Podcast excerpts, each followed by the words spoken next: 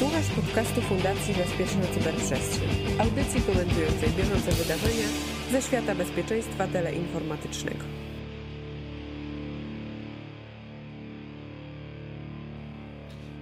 Ja zawsze swoje podcasty zaczynam w nietypowy sposób, nawiązując do tradycji, czyli halo, halo, tu mówi Warszawa. Witamy w podcaście Cyber, Cyber Fundacji Bezpieczna Cyberprzestrzeń. Nazywam się Cyprian Gutkowski, ze mną jest pan doktor Maciej Kawecki z Wyższej Szkoły Bankowej, aczkolwiek wszystkim znany tutaj głównie też z RODO, to jest już taka prawda jako, jako pan od RODO. Zaszufladkowany. Tak, tak, zaszufladkowany jak aktorzy, także to, to przed, przed tym nie uciekniemy. No i rzeczywiście jest moje pierwsze pytanie. Mm, spotkałem się ze sprawą taką, że firma, mm, która zajmuje się windykacją długów, mm, odnalazła jakimś cudem numer telefonu, który w pierwszym etapie działalności spółki pomagał rejestrować tą spółkę. Ta spółka to było jakieś 5-6 lat temu. Ta spółka w chwili obecnej ma jakieś długi i ta firma windykacyjna oczywiście ściga tą spółkę, do czego ma prawo. Natomiast wyzwania cały czas pod ten numer telefonu i tutaj mimo zapewnień, że no, z tą spółką nie ma ta osoba nic wspólnego, jesteśmy tutaj tylko numerem telefonu i pomaga, pomagane było zakładanie jedynie tej spółki, czyli te sprawy formalne, które należy rozwiązać. Firma mówi, że to nieważne, że proszę w takim razie połączyć z prezesem. Na odpowiedź, no nie jesteśmy sekretarką, tak żeby gdzieś tutaj łączyć i coś dalej przekazywać. Nie mamy obowiązku przekazywać tych danych, a jeżeli to proszę o jakieś oficjalne pisma w tej sprawie. Odpowiadają, że nie i na żądanie, że proszę zaprzestać przetwarzania tego numeru telefonu, ponieważ on należy do osoby prywatnej, stwierdzają, że telefon to nie są dane osobowe, on jest publicznie gdzieś dostępny e, w jakiejś bazie, więc oni mogą go używać. No i tutaj pytanie do pana doktora, czy taka spółka ma rację i kiedy tak naprawdę ta firma windykacyjna może skorzystać z uprawnień, gdzie może ścigać, a czy w tym wypadku również jej działanie jest uprawnione i po informacji, którą otrzymała, nie powinna zaprzestać? E, witam Państwa bardzo serdecznie, jeszcze raz. E, ja może też zacznę od przykładu z życia. E, odnosząc się do tego drugiego pytania, zacznę od drugiego, czyli od tego, czy w ogóle numer telefonu jest danymi osobowymi. Zmieniając pracę jakiś czas temu, zrezygnowałem z jednego z moich numerów telefonów. Miałem kilka numerów służbowych, będąc jeszcze dyrektorem w Ministerstwie Cyfryzacji, miałem telefon służbowy z Ministerstwa Cyfryzacji, miałem e, prywatny, oprócz tego pracowałem na Politechnice Warszawskiej, do tej pory zresztą jeszcze pracuję i e, posiadanie w kieszeni trzech telefonów komórkowych jest e, z, z, z, z moją cechą charakteru, jaką jest zgubienie wszystkiego, co tylko możliwe, niemożliwe. W związku z tym zrezygnowałem z, z numeru telefonu, nagle okazało się, że e, ten numer przypadł komuś e, zupełnie innemu po pewnym czasie. Operator telekomunikacyjny po prostu przekazał ten numer telefonu innej osobie. Ale ja oczywiście zmieniając numer telefonu nie jestem w stanie całemu światu opowiedzieć o tym, że zmieniłem numer telefonu i że ten numer to już nie jest numer Maćka Kaweckiego. W związku z tym oczywiście znajomi, koledzy dzwonili prosząc Maćka Kaweckiego do telefonu i właściciel tego numeru dowiedział się, kto był byłym użytkownikiem e, tego numeru telefonu. Wpisał sobie pewnie Maciej Kawecki w Google. E, no i wyszedł Maciej Kawecki, który przed Państwem siedzi. E, w konsekwencji numer telefonu trafił do Darknetu, został sprzedany za określoną sumę pieniędzy komuś, kto zdecydował się na tym zarabiać. E, I e, tak się złożyło, e, opowiem Państwu o jednym przykładzie, tak się złożyło, że ten numer telefonu to był numer, którym dysponował Uniwersytet Jagielloński. W związku z tym, chcąc zaproponować mi wykład, zadzwonili na ten numer telefonu. Jakaś pani sekretarka zadzwoniła, czy zgodzę się mm, wygłosić prelekcję właśnie na temat RODO. Mm, ja się zgodziłem, nie będąc sobą, i przyszedłem na ten wykład, ale też nie będąc sobą, bo przyszedł ten oto człowiek, który, który ten telefon, który się potem mnie podszywał. No, klasyczny przykład kradzieży tożsamości.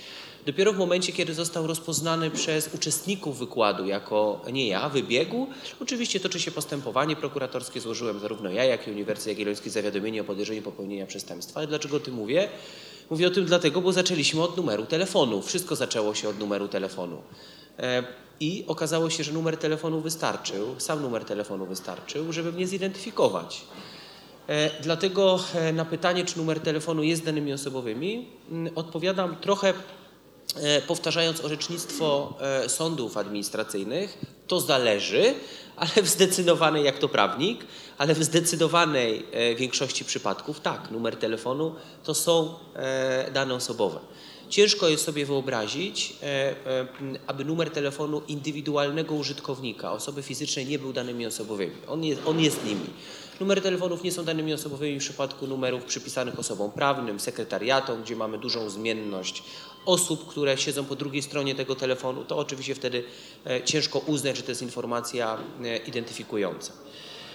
E, Odpowiadając natomiast na pytanie związane już z firmami windykacyjnymi, oczywiście firma windykacyjna ma prawo dzwonić, ma prawo egzekwować wierzytelność. Oczywiście najczęściej firmy windykacyjne i wtedy sytuacja jest najczystsza, nabywają w drodze cesji wierzytelność którą potem e, egzekwują. E, I wtedy e, tak zwany prawnie uzasadniony interes, tak to mówimy na kanwie przepisów RODO, e, ale nie tylko, bo również umowa, bo przecież w oparciu o, o, o przepisy e, prawa cywilnego e, cesja wierzytelności jest umową cywilnoprawną.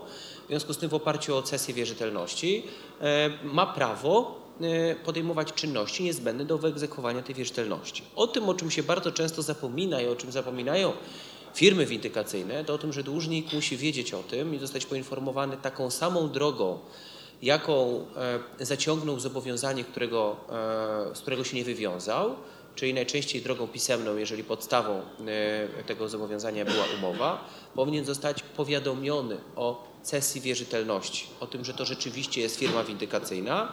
Jeżeli do mnie dzwoni pan Kowalski, który przedstawia się jako firma windykacyjna, ja nie zostałem przez mojego wierzyciela poinformowany o tym, że doszło do cesji wierzytelności, to oczywiście jak najbardziej mam prawo odmawiania przekazywania jakichkolwiek informacji i jakichkolwiek danych drogą telefoniczną, bo ja nie wiem o tym, kto jest e, e, po e, drugiej stronie. Ja ostatnio jestem na etapie e, w ogóle takiego bardzo e, intensywnego śledzenia e, w Polsce zjawiska kradzieży tożsamości z różnych względów. Jeszcze będąc w Ministerstwie Cyfryzacji zainicjowałem, na co się minister cyfryzacji zresztą zgodził, do dzisiaj tak, ta, ten zespół jest prowadzony, powołanie grupy, zespołu, który ma wypracować zmiany prawne w obszarze kradzieży tożsamości. Zresztą jestem cały czas jego członkiem, ale trochę już na innych zasadach siłą rzeczy. I tam rzeczywiście diagnozujemy, zdiagnozowaliśmy, diagnozujemy z jak ogromną skalą tego zjawiska e, mamy do czynienia. W, w przyszłym tygodniu wyemitowany zostanie najprawdopodobniej odcinek e, uwagi w, w TVN-ie, poświęcony tylko i wyłącznie zjawisku kradzieży tożsamości. Wszystkim Państwu polecam. Mogę tylko powiedzieć tyle, że zostały, będą pokazane przykłady skali tego zjawiska, że są w Polsce osoby, które dysponują bazami danych zawierającymi na przykład 5%, 3%, 2% naszego społeczeństwa. Tak, ponieważ jest podcast, to rzeczywiście powinienem też ja coś powiedzieć, E, ale rzeczywiście to ja mam jeszcze jedno pytanie, bo sytuacja może wyglądać w taki sposób, że zmienił się prezes spółki, tak? Pozostał stary telefon do starego prezesa spółki, który sprzedał spółkę, kiedy załóżmy jeszcze ona nawet tych długów nie miała, czy nawet zrezygnował po prostu, czy Rada Nadzorcza wybrała kogokolwiek innego tym prezesem. Telefon jest prywatny prezesa, no i w tym momencie windykacja została gdzieś tam nabyta właśnie drogą cesji. Mamy sytuację, że windykacja y, jest, y, dokonuje się i dzwonią na ten numer prezesa. I teraz jest pytanie, czy on powinien nawet udzielać informacji, komu sprzedał, czy nie? No bo z jakiej racji ma przekazywać dane osobowe też znowu teraz firmie windykacyjnej, czy jak to powinno wyglądać? Na pewno nie ma takiego prawnego obowiązku. Nie ma prawnego obowiązku. Nie ma, na pewno nie ma prawnego obowiązku e, przekazania takich informacji, przy czym e, e, przekazanie takich danych w mojej perspektywie nie byłoby naruszeniem przepisów. Ale on tak naprawdę nawet nie wie, że mm, To jest inna sytuacja. Przyjmujemy sytuację, w której wie, prawda? w której jest Okej. świadomy i w której chce przekazać takie dane. Bo to, że nie ma obowiązku, to już wiemy. E, Natomiast może chcieć przekazać i może mieć taką wiedzę. I rzeczywiście, ponieważ e, firma windykacyjna jest tutaj e, odbiorcą danych, tak to się mówi w prawie ochrony danych osobowych, jest odbiorcą danych, ma swój prawnie uzasadniony interes, żeby te dane pozyskać, pozyskanie ich od takiego byłego prezesa czy wiceprezesa spółki jest w mojej ocenie, pokrywa się tym prawnie uzasadnionym interesem. Więc obowiązku nie ma, uprawnienie jak najbardziej jest. Tylko jest teraz z kolei rzeczywiście pytanie, czy na przykład ten wiceprezes w ogóle ma świadomość, który był wiceprezesem kiedyś, czy prezesem, nieistotna funkcja, czy ma w ogóle świadomość tego, że rzeczywiście została dokonana cesja na jakąkolwiek firmę jakiejś umowy dłużnej. Wtedy... Jeżeli nie ma świadomości, no to ciężko mówić o przekazaniu jakichkolwiek danych, no bo nie, nie, nie, z kosmosu tych informacji my nie, nie, znaczy, nie. Załóżmy, on wie, że sprzedał spółkę, tylko spółka była wtedy, nawet wie komu, on wie komu została spółka sprzedana, no ale ma też załóżmy prywatny numer do tej osoby, nie jest to numer, który jest firmowy. E, no i teraz jest pytanie, czy rzeczywiście doszliśmy do tego, że on nie ma obowiązku prawnego nawet, ale w sytuacji takiej, czy powinien przekazywać te dane, gdzie on nie wie, że są w ogóle jakiekolwiek długi. No być może ktoś dzwoni po to, żeby się dowiedzieć tego numeru prywatnie, wcale Oczywiście, nie ma tego uzasadnionego interesu pytanie, prawnego. Tak, to jest pytanie, na ile informacje, które taki były prezes powziął, są wystarczająco wiarygodne, y, czyli ma wystarczająco bogatą wiedzę, żeby z pewnością, nie prawdopodobieństwem, to nie chodzi o uprawdopodobnienie, tylko o pewność, wie o tym, że po pierwsze dzwoni firma windykacyjna, po drugie, że ta firma windykacyjna ma swój interes prawny w tym, żeby takie informacje pozyskać.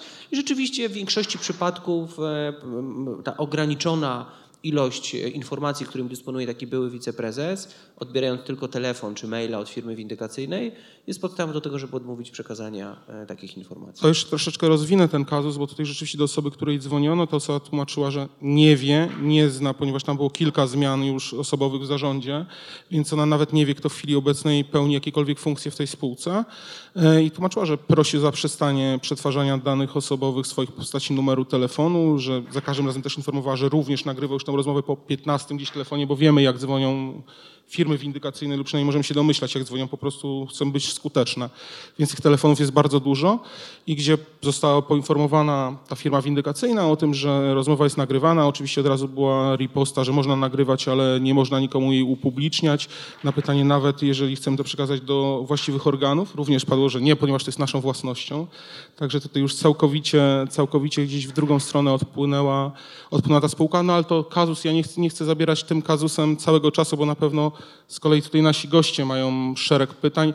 Także jeżeli ktoś chciałby zadać jakieś pytanie właśnie dotyczące ochrony danych osobowych, a może też działalności Wyższej Szkoły Bankowej, bo tak jak e, mówiliśmy, pan doktor jest teraz dziekanem Wyższej Szkoły Bankowej w Warszawie.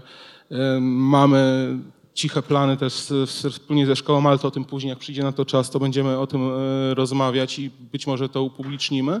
Natomiast e, w chwili obecnej wiadomo, że na pewno zasłysza e, kurs JODA, z tego co wiem, to jest już i tak zapełniony całkowicie, ale jeżeli Państwo macie jakieś pytania, także zapraszam bardzo do dyskusji, proszę o zgłaszanie się. Jeżeli ktoś chce, ja podejdę z mikrofonem. Dzień dobry, Jakub Luszczok. Pytanie takie z pogranicza.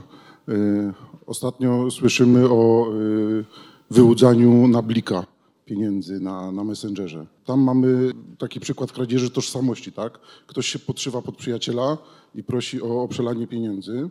Mieliśmy taki przykład w firmie, że ktoś się nabrał na to. Y, sprawa została zgłoszona na policję i policjant wprost powiedział, że no, y, kwoty małe, 500-600 zł, y, policja nie za bardzo chce to ścigać.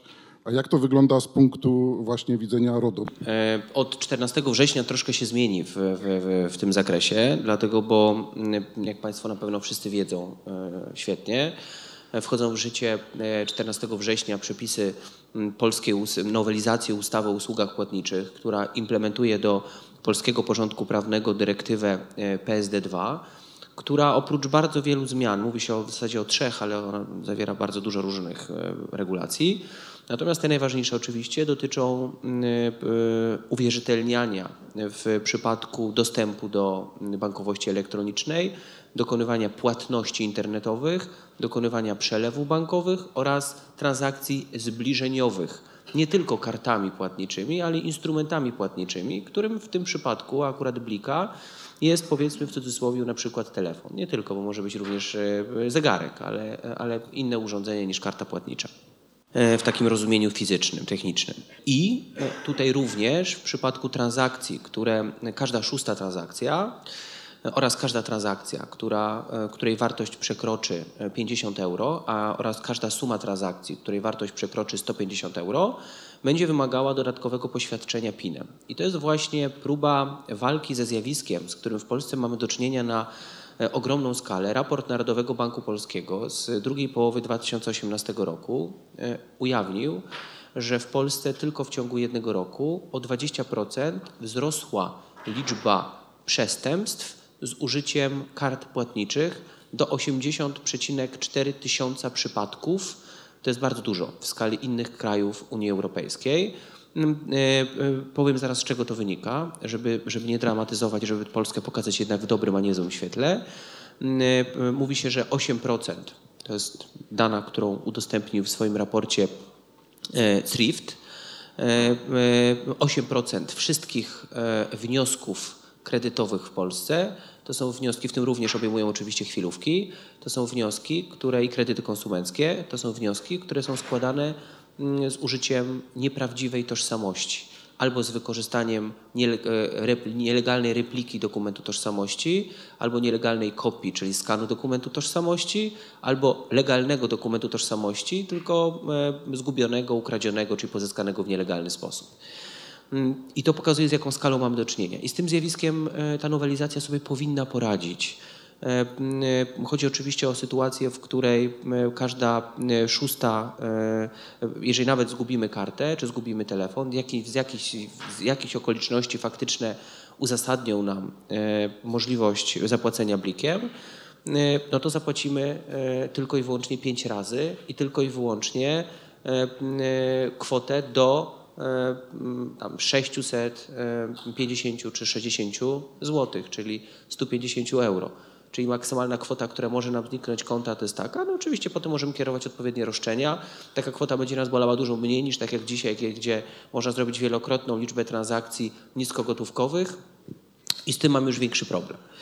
E, Powiedziałem o tym, że w Polsce mamy rzeczywiście w skali Unii Europejskiej ogromną liczbę naruszeń w sektorze bankowym i w sektorze finansowym. Rzeczywiście tak jest, ale wynika to z tego, że jesteśmy w czołówce państw Unii Europejskiej, jeżeli chodzi o rozwój innowacji bankowej i Polacy bardzo chętnie korzystają z e-bankowości, z wszelkiego rodzaju nowinek technologicznych w sektorze bankowym i w konsekwencji oczywiście wzrasta liczba naruszeń e, w tym sektorze. E, Z tym trzeba oczywiście walczyć. Ja też staram się to robić jakby podnosząc świadomość. W szkole będziemy organizować różne debaty, które kładą nacisk właśnie na to zjawisko kradzieży tożsamości i, i, i nie tylko.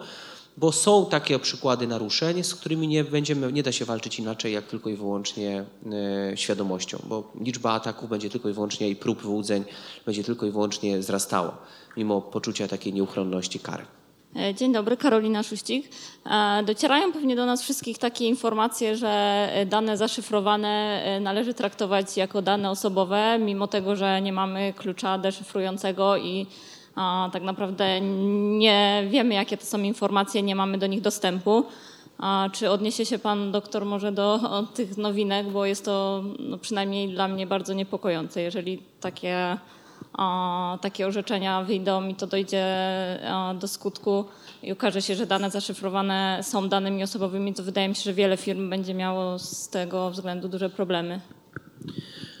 E, Jeżeli chodzi o szyfrowanie danych, to można podzielić go na dwie kategorie. Pierwsza to jest szyfrowanie, które w- języku ochrony danych osobowych nazywamy pseudonimizacją, a więc sytuacja, w której szyfrujemy dane, ale klucz prywatnym znamy, wiemy, jesteśmy w stanie je odszyfrować. Prawda? I to jest, co do tego nie mam żadnej wątpliwości, że są to mm, dane osobowe. Druga e, sytuacja to jest sytuacja, w której chcemy usunąć dane osobowe, ale z jakichś względów technicznych nie robimy tego fizycznie, tylko szyfrujemy, a następnie usuwamy, niszczymy e, klucz. e, Tym samym te dane, tych danych teoretycznie nie jesteśmy w stanie odszyfrować. Natomiast jeżeli chodzi o tą drugą sytuację, ona jest dużo bardziej e, problematyczna, dlatego bo dzisiaj w zasadzie nie ma klucza e, prywatnego.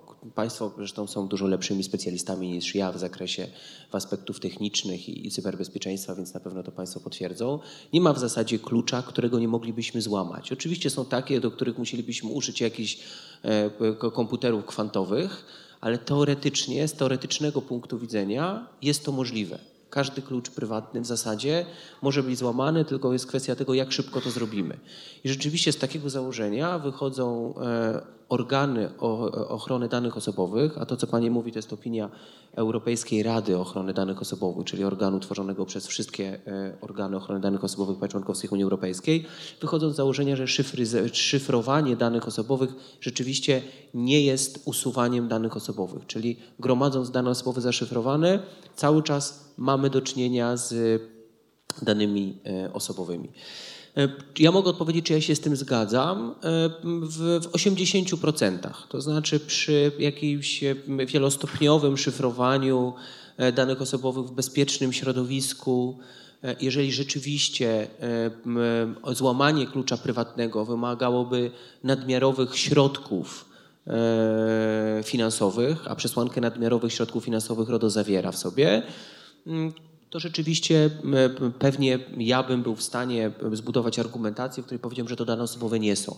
Ale proszę zwrócić uwagę, jaka była pierwsza kara, jaką nałożył Urząd Ochrony Danych Osobowych w Polsce. To była kara, która, do, do, do, mogę powiedzieć nazwę firmy, bo, bo, sama ujawniła tę informację, na pewno Państwo zresztą wiedzą, kara nałożona na Bisnote, mm, prawie miliona złotych, ponad 950 tysięcy złotych kary, która została, w której to decyzji administracyjnej urząd dokonał wykładni niewspółmiernie dużych środków. Mimo, że spółka wykazała, że realizacja obowiązku informacyjnego e, e, wymagałaby e, kosztów w zależności od tego, czy byłby zrealizowany przesyłką zwykłą czy poleconą od 23 do 30 milionów złotych i roczny obrót spółki wynosi, czy obrót 30 milionów złotych, to mimo wszystko urząd uznał, że to nie jest nadmierny koszt. Uznając, że koszty finansowe to nie są nadmierne koszta, więc widzą Państwo, jak, że ja mam troszkę, no ciężko jest mi tutaj budować, e, e, namawiać Państwa do tego, żeby uznawać dane zaszyfrowane jednak za niedane osobowe, bo może to Państwa po prostu boleć w przyszłości. Ja tylko powiem, że jeżeli ktoś był na kinocie pana Andrzeja Dragana, no to te komputery kwantowe, o których on mówił, to żadne klucze nam nic nie pomogą, ale jest kolejne pytanie, także już idę w tamtą stronę. Dzień dobry, Jacek Skorupka, Idea Bank. Ja myślę pytanie, panie doktorze, odnośnie y, nie tyle szyfrowania, co jednokierunkowych funkcji skrótu. Ja rozumiem, że takie rzeczy traktujemy jako anonimizacja w rozumieniu RODO i nie są to dane osobowe. E, dane anonimowe to są dane, których, e, które uniemożliwiają dotarcie nawet z wykorzystaniem e, dużych zasobów do osób fizycznych. Jeżeli dokonamy, zamiksujemy, używając takiego kolokwializmu, danymi osobowymi w taki sposób, że imieniu i nazwisku Maciej Kawecki będzie przyporządkowany zupełnie inny numer PESEL i zupełnie inny numer telefonu, E, no to pewnie to nie są dane osobowe. Tak? To, to jest taki skuteczny sposób e, e, anonimizacji, która nie prowadzi do ujawnienia danych osobowych. Jeżeli z wykorzystaniem takich skrótów rzeczywiście nie są Państwo w stanie dotrzeć do określonej osoby fizycznej, to nie są dane osobowe. My w Ministerstwie Cyfryzacji mieliśmy z tym do czynienia projektując projektując rozwiązanie, które nazywa się zintegrowaną platformą analityczną który polegać będzie na tym, że w ramach, e, że minister cyfryzacji staje się operatorem e, danych, które są pozyskiwane mm, z różnych źródeł, e, z różnych na przykład resortów, a następnie między innymi z wykorzystaniem takich skrótów dokonuje analityki publicznej, wypluwając z siebie raport, czyli minister zdrowia na przykład chce wiedzieć, ile osób w Polsce choruje na określoną jednostkę chorobową, ale nie ma takich zasobów, w związku z tym Minister cyfryzacji pozyskuje dane z NFZ-u, pozyskuje dane z jakichś innych placówek medycznych. E, następnie e, te dane pseudonimizuje. E, następnie z wykorzystaniem takich skrótów, o których Państwo tutaj mówią, dokonywana jest ich analityka i wypluwany jest raport, który potem trafia do ministra zdrowia, który już całkowicie jest tylko teoretyczny, czyli, czyli w ogóle nie zawiera żadnych danych, bo zawiera liczby. Także no, 20 czy 30 osób w Małopolsce, a 280 osób w, w, w województwie e, dolnośląskim. E, tak mogę odpowiedzieć na to pytanie. Natomiast niestety, proszę Państwa, i chciałbym, żeby to było takie dla Państwa taki drogowskaz. Mamy bardzo restrykcyjny Urząd Ochrony Danych Osobowych w Polsce. Nie wiem, czy obserwowali Państwo opinię wydaną przez urząd parę dni temu dotyczącą e, kopii dokumentów tożsamości gromadzoną przez instytut, gromadzone przez instytucje finansowe i przez banki. Prawda? Bardzo skrajna. To, to... Bardzo skrajną, której urząd powiedział e, bardzo wyraźnie. Kopie dokumentów tożsamości, w czym ja się absolutnie nie zgadzam, kopie dokumentów tożsamości mogą być gromadzone wyłącznie w przypadkach wynikających z ustawy. Wykraczam poza to pytanie, ale chcę pokazać Państwu sposób myślenia urzędu. E, Teraz ja sobie zadaję pytanie. Wyobraźmy sobie, że jesteśmy pracodawcą, który pośredniczy w delegowaniu pracowników do pracy w, w, Stanach Zjednoczonych. Jednym z elementów wniosku wizowego jest pozyskanie kopii dokumentu tożsamości. W związku z tym pracodawca chciałby móc poprosić pracownika o pozyskanie takiej kopii dokumentu tożsamości po to, żeby mógł e, skierować wizę. Są takie kategorie wizy, wiz w niektórych z państw E, gdzie ich otrzymanie jest możliwe wyłącznie, biznesowych, jest możliwe wyłącznie w sytuacji, w której w imieniu danej osoby wystąpi przedsiębiorca, czyli osoba fizyczna nie jest w stanie uzyskać e, takiej wizy. Mm, no i teraz znów, nie mamy prawa polskiego, które uprawnia albo zobowiązuje pracodawcę do pozyskania takich danych. A mimo to te dane są gromadzone. I to pokazuje, że rzeczywiście, że muszą Państwo o danych osobowych w Polsce myśleć e, restrykcyjnie dość. Można pozyskać te dane pod warunkiem e, AML. Oczywiście tak, ustawa o przeciwdziałaniu, artykuł 34, ustęp 4, ustawa o przeciwdziałaniu praniu brudnych pieniędzy i zwalczaniu terroryzmu, który mówi o tym, ale dalej to jest ustawa. Można, e, ale jest to ustawa, natomiast jest to bardzo wyraźna norma do gromadzenia kopii dowodów osobistych, rzeczywiście, ale tylko w tych dwóch celach. E, i Urząd Ochrony Danych Osobowych powiedział bardzo wyraźnie, że w żadnych innych, nie w celu dokonanym oceny zdolności kredytowej, e, w żadnym innym celu niż przeciwdziałanie praniu brudnych pieniędzy, zwalczaniu terroryzmu, który nie jest celem prewencyjnym. To jest bardzo istotne. Czyli bank nie może sobie odgórnie powiedzieć, że od każdego klienta gromadzi kopię dokumentu tożsamości w celu walki z, z terroryzmem, jeżeli występuje o kredyt 1200 złotych Y, i nie ma żadnych przesłanek do tego, żeby tego typu dokumenty gromadzić. W związku z tym jest taka podstawa oczywiście, natomiast musimy pamiętać o tym, że artykuł 34 ustawy o e, praniu brudnych pieniędzy i zwalczaniu terroryzmu jest jednym z kilku e, przepisów e, w Polsce. Policzyłbym je na palcach jednej ręki, które mówią o kopii dowodów osobistych, a potrzeby realne gromadzenia kopii są dużo, dużo szersze. Ja oczywiście jestem też zwolennikiem takiego bardzo restrykcyjnego podejścia do tematu, bo rzeczywiście kopie dokumentów tożsamości są jednym z najczęstszych przyczyn nielegalny obrót kopiami, e, przyczyn wyłudzeń, przestępstw, oszustw, zjawisk kradzieży tożsamości, ale nie tą drogą. Taką drogą skutecznej walki z takim zjawiskiem jest wypracowanie mechanizmów, które wymuszają na bankach większą weryfikację tożsamości klienta, żeby kopia dokumentu tożsamości nie była wystarczająca do tego, żeby zaciągnąć na przykład e, chwilówkę. E, coraz rzadziej dokonuje się nawet weryfikacji telefonicznej klientów bankowości, prawda? Takich, takich kredytów niskogotówkowych, kredytów e, krótkoterminowych. Ja właśnie tylko jeszcze dopowiem, bo rzeczywiście uważajmy na to, że to jest bardzo restrykcyjny nasz Urząd Ochrony Danych Osobowych, to co powiedział pan doktor. Jeżeli ktoś tak podchodzi do kopii, to w innych sprawach nie będzie lżej patrzył z przymrużeniem oka. finalnie i tak e, decydującą e, rolę pełnią sądy.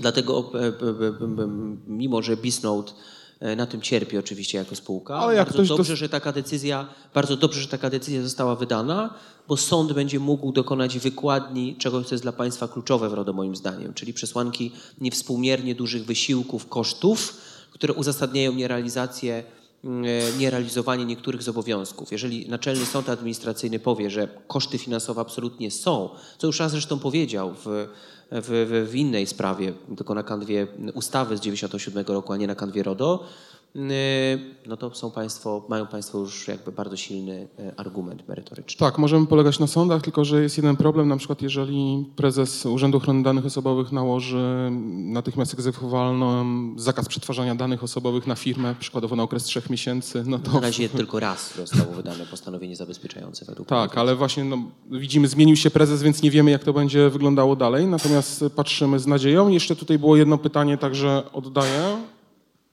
bardziej skomentować tą kwestię dowodów, mm, ponieważ rzeczywiście jest tak, że w przypadku szczególnie nawiązania relacji y, bank jest uprawniony do kopii dowodów. to ma większe znaczenie przy nawiązywaniu zdalnej relacji, bo o ile w przypadku, kiedy klient przychodzi do banku, tak naprawdę tej kopii nie trzeba robić. Można, można to zrobić w inny sposób. Można, ale nie trzeba. Jakby wyobrażam sobie proces bez kopii dowodów. Natomiast w przypadku zdalnej relacji, no naj, znaczy nawet nie najczęściej, Ja się- wyraźnie powiedział, że musi Ja być się nie boję, dowodu. e, może nie powinienem tego jako dziekan Wyższej Szkoły Bankowej jeszcze w stolicy mówić, ale ja się nie boję o banki. Bo banki sobie oczywiście poradzą. E, Mają dużo różnych mechanizmów e, identyfikacji ryzyk. Mm, Natomiast powiedzenie o tym, że kopie dokumentów tożsamości mogą być gromadzone wyłącznie w przypadkach wynikających z ustawy, nie dotyczy banków tylko, tylko dotyczy wszystkich tutaj zgromadzonych na sali, niezależnie od tego, gdzie pracujemy i różnych przypadków. Podałem Państwu jeden taki z życia wzięty, związany z delegowaniem pracowników mm, mm, mm, do, miejsca poza europejskim obszarem gospodarczym, gdzie potrzebna jest na przykład wiza. Ale takich sytuacji jest, e, może być dużo, dużo więcej, które mogą uzasadniać rzeczywiście e, pozyskanie kopii dokumentu tożsamości. Wydaje mi się, że to wystąpienie wiązało się z takim troszeczkę nadmiarowym pobieraniem tych kopii dowodów. Zwróćcie uwagę, pewnie część z Państwa jeździ na narty i wypożycza sprzęt.